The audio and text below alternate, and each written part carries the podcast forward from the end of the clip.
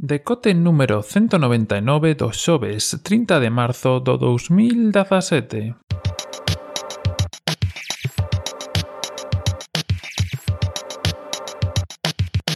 Vos días e benvidos a este novo de esta edición 199 Última oportunidade de enviarmo os vosos audios E hubo dúas persoas que o fixeron Moitísimas grazas Maña os coitaremos todos en conxunto e en armonía. Xa hubo quen puxo a súa excusa Non pasa nada. No 300 que 4 meses que son Nada. Xa, xa o teremos E hoxe oh, imos a falar de outra cousa que tamén eh, era moi inesperada e eran as cousiñas que iba a presentar Samsung, que presentou Samsung onte ás 5 Hora Española. Primeiro, empezar por o que pasou xusto cando empezou a presentación ou antes da presentación, que é o tema este de que eh, as 5, cando empezou a presentación, todos os blogs, e cando digo todos, evidentemente, o que sei, eh, vallando no Android, pois non chegou, pero para os blogs de tirada eh, nacional e de importancia, o que sei, hipertextual, se ataca Gizmodo en Gadget e xa non falemos de dos que están algo no outro lado do charco, de, de Verge e similares, pois sacaron as súas reviews e impresións do Galaxy S8 que aínda en ese momento, porque eran as 5 en punto e ainda estaba empezando a presentación, pois non se coñecía. É algo que me rompe moitos esquemas, máis nunha circunstancia como esta, e vou, vou me explicar. Eh, Samsung, como sabedes, viña dunha época mala co seu último teléfono, pois que tivo ese problema coas baterías. Non vamos facer agora, eh, non vamos a meter máis o dedo na ferida, pero si sí, evidentemente tivo un problema, igual que, bueno, hubo outras ocasións co tema do, da antena gate con Apple e todo este tipo de cousas. E evidentemente, pois, o normal é que na presentación tivera unha parte adicada a falar de confianza e todo eso. E así foi, quero dicir, os primeiros 10 minutos, que foi o que aguantei na presentación, eh, houve unha parte dedicada a falar de eso, de da compañía, de como traballaba, de como testeaba os teléfonos, de como probaba todo. Que pasa? Que se si eres alguén a que interesa a tecnoloxía un pouco, primeiro, se si eres alguén que sabes que hai unha presentación de Samsung ás 5 da tarde un día e ya vas a ver, eh, o máis seguro que tamén sigas medios tecnolóxicos, que son a través dos cales chegas a esa presentación, e que ás 5 estás mirando Twitter mentras faz tempo e poñe os típicos anuncios e, e chorradiñas antes das presentacións nese momento ves que tres ou catro medios dos que sigues sacan a review e evidentemente non vas a esperar 20 minutos de rollo. Por moi simpático que sexa o CEO de, de Samsung ou o director que, que saia nese momento, e te vas a ir a ver directamente de que vai o teléfono e como son as cousas, cales son as especificacións e que é o que presenta. Isto, ao final, evidentemente vai en contra, quero decir, hai unha mensaxe que queren transmitir, os que fan as reviews e as primeiras impresións e esos non a van a transmitir, e o resto da xente tampouco, quizá logo hai unha campaña en medios un pouco máis grande que, que intenta chegar ata aí, pero en principio, pois eso vai quedar, vai non ver ou escoitar moi pouca xente. Disto isto, evidentemente, a pregunta que facían de por Twitter, eh, para quen esta presentación? Pois non o sei. Quero dicir, home, entendo que hai medios que quizás sí que van a presentación e sirve para, para ter un primeiro contacto co, co teléfono, en tendo en conta que as presentacións, pues, Londres e Nova York, pues tampouco son medios de, de pouco alcance, pero bueno, quizá haya sido para, para ter eso máis mellor. Non sei, non, eu non teño para nada claro, quizá algún de vos sí, eh, para quen a presentación. Entendo que os medios pequenos, pois, como decía antes, pois mañana Android, que non tiñan os datos, sí que a presentación lles pode seguir un pouco máis de trampolín, Pero bueno, creo que un pouco injusto. Non sei, eu estas cosas nunca as acabo de ver, pero quizá se si vostedes outra opinión, outro comentario, pois sempre a podedes deixar, como sempre, nos comentarios en podcast.algue.net. E hoxe, aproveitando, como mañá e ser vos os que faledes neste programa, Pois tamén fixen un pouco un popurrí, porque como saíron todas as análises e primeiras impresións e cousas, pois aproveitei e tamén fixen aí un xuntoiro de, de links na descripción. Falando xa dos terminais que se presentaron, Galaxy Samsung S8 e S8 eh, Plus, máis, vamos, eh, que realmente, salvo o tamaño, teñen moi poucas diferencias, pois imos meternos un pouco máis de cheo no que traen. Como os digo, moi poucas diferencias en que internamente, antes de meter un, un aspecto que realmente diferencia que temos, temos un Exynos 8895 de nanómetros 64 bits, bueno, va a ser un pouco por río porque tampouco.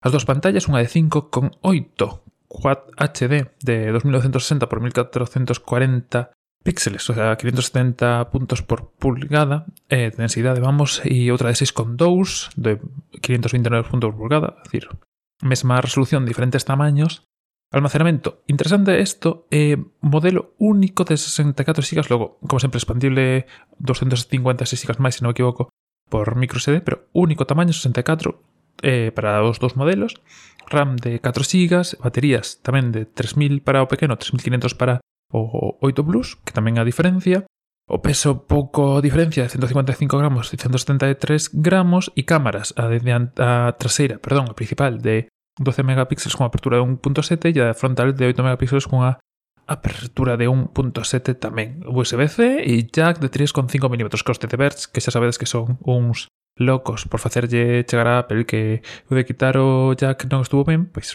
estiveron aí tocando tamén as narices con que este sí que ten. Pero bueno, teno, aí está. Prezos, eh, 809 euros para o S8 e 909 para o S8 Plus. Non, non está mal de todo, creo que os prezos tampouco son ninguna novedade, pero bueno, tendo en conta que o iPhone que empeza en 32 GB, creo que o primeiro modelo son 700 e o segundo 800, o sea que a diferencia nese, nese sentido, pois tampouco é, é exagerada.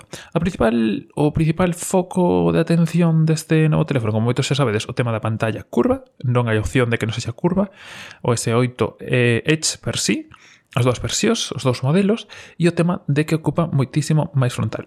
Estuve vendo bastante discusión por... Pero discusión. Intercambio de ideas, que si non parece que, que andaban a berrar entre eles. Eh, por Twitter, o tema frontal. A min gustame eh, este frontal, pero tampouco me disgusta o do iPhone que ten moito máis eh, frontal.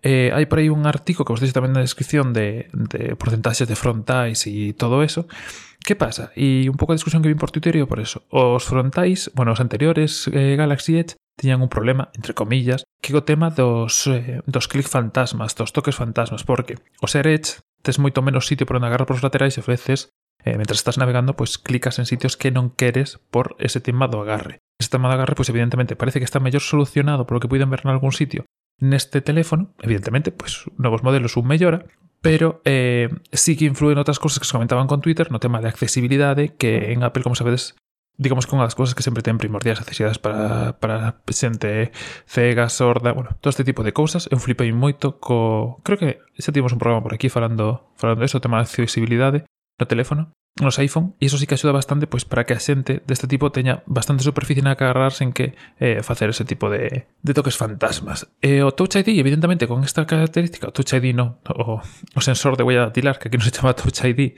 eh, pasa a parte traseira, ten un lector de... un sensor, lector, un descifrado de Iris, é dicir, polo, polo tema da pupila, que é así como a gran novidade, e polo resto pois tampouco hai demasiado que destacar, así que digamos pola parte de fora.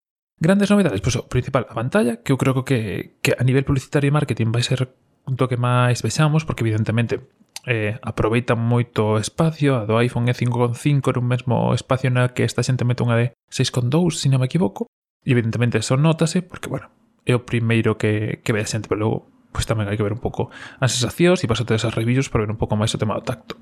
Logo, cousiñas que van dentro. Bixby. Bixby que é o asistente de, de Samsung. É un pouco locura isto de que teñamos tantos asistentes xa. Esta vez ben que converxeran ata certo punto, pero bueno. Bixby, que se escribe sele tal cual, non é Bixby, é Bixby, é o asistente que a intención de, de Samsung, polo que estuve lendo, é un pouco buscar que sexa eh, que poidas facer todo o que faz con clics con Bixby e pretende que sexa base un pouco para todo tipo de sistemas, en sentido de que todo o que se fai con Bixby faise na nube, por lo tanto requiere moi pouco procesamento, moi poucas especificacións no propio terminal e pretenden levar isto a outros electrodomésticos, por exemplo, como Samsung xa sabedes fai diferentes electrodomésticos, pois que isto vaya de neveiras e outro tipo de cousas e te permite interactuar con eles da mesma forma que farías contacto eh, con isto. Ten algunhas cousas a maiores, un pouco máis máis complexas, que vos deixo nalgún dos artigos da, da descripción. Eh, por exemplo, o tema de, de realidade aumentada aumentada, sí, sempre me confundo con aumentada e virtual. Aumentada, de que se faz unha foto, pois pues, te identifica e te permite facer compras a través de Amazon e, bueno, algunhas cousiñas. De momento parece que non vais a ir en castelán, que é o máis cercano que podemos ter aquí os galegos, e, pero bueno, como somos aquí trilingües todos tampouco temos problema. E pouco máis respecto a, a Bixby, que, bueno, eu como non utilizo nin Siri, nin Google, nin ninguna destas cousas, nin Cortana, que o teño aquí no, no Windows, ni nada deso, pois non teño moita idea. Pero bueno, por si vos interesa como era unha das grandes cousas que iban a presentar, que iban a sacar, pois o tedes. Ah, e unha das cousas que se me esquecía completamente é que tamén eh, este teléfono é resistente IP68, que como sabedes, 6 resistente completamente ao polvo e 8 resistente a auga eh, baixa presión, en concreto un metro media hora que estive mirando para, para que se vades. Como isto tivemos un enlace xa debería facer vos seu examen a vos para, para que o teñades claro. Ademais de todo isto, que presentaron? Pois presentaron un novo casco de realidade virtual con mandiños, mandos pequeniños que si o fas con... O sea, si si reservas o teléfono é gratis, non creo que son sobre 130 dólares, 140 euros, será unha cousa así. Tamén vai con uns novos eh, auriculares que non vin, non puiden ver no sitio. Estas son das cousas fricadas que ves por aí no momento e non te enteraste moito máis. E tamén eh, as dúas cousas así un pouco que sí que teñen máis enjundia, que se debería dicir que son a nova GR 360, se sabes a cámara de 360 de Samsung, eh, dos sensores de 8,4 megapíxeles, o ollo de, de peixe, como xa sabedes, posibilidade de gravar vídeos en 4K, a unha burrada de 4096 píxeles por 2048 píxeles a 24 imaxes por segundo, os dous ollos con apertura de f2.2, bueno, estas son as fricadas como sempre, leva unha memoria interna, eh, Wi-Fi e Bluetooth. Por certo, que se me esquecía, o Samsung Galaxy o S8 vai con Bluetooth 5.0 e eso permite pues, ter, retransmitir música, por exemplo, a dous dispositivos a través de Bluetooth ao mesmo tempo, que está moi ben. Como os decía, volvendo a GR360 despois deste Interrupción, eh, todo grava na memoria interna, capacidade de transmitir vídeo en directo e o máis interesante que vai funcionar como gollón de terminais, non só cos, cos Galaxy, sino que vai funcionar cos, cos S, S7, S6, A5 e A7 do 2017, os teléfonos Android con 5.0 e iPhone 6, 7 e SE tamén este todo, de todo isto vai vos máis pormenorizado por si queredes máis tempo que estos 15 minutos que se vai alongar moito isto na descripción cos seus enlaces respectivos. E ademais desto, a outra cousa, a outra novidade foi o Samsung DeX, que é unha pequena, un pequeno dock de escritorio que transforma, entre comillas, Android nunha sistema de escritorio bastante interesante, non é a primeira proposta que se fai desto. Estiven buscando e era no mismo non atopei, eu lembro de cando estiven no Mobile World Congress no, no 2012, de que había algunha proposta deste tipo, ademais de Ubuntu no escritorio e Firefox no escritorio e todas estas cousas, eu creo que soame, non sei por que, que o Nexus, que o Galaxy Nexus eh, tamén tiña unha opción similar, pero non fun capaz de atopar un vídeo, Si que atopei o doc, pero non atopei o vídeo. Bueno, se si vos sabedes, tamén me podes deixar na descripción.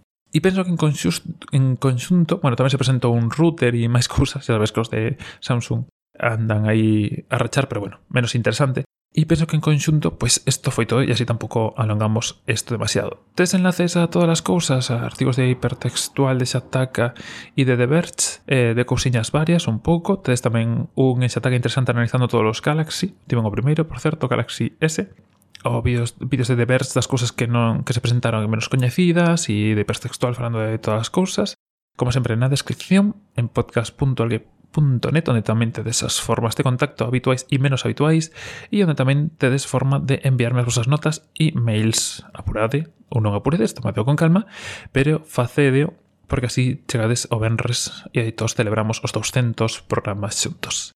Nada máis por hoxe, nada máis por este día. Espero que teñades un bo xoves, e vémonos, escoitámonos, ou escoitovos incluso, mellor de todo isto, mañá no mesmo sitio e na mesma hora. Un saúdo e ata mañá.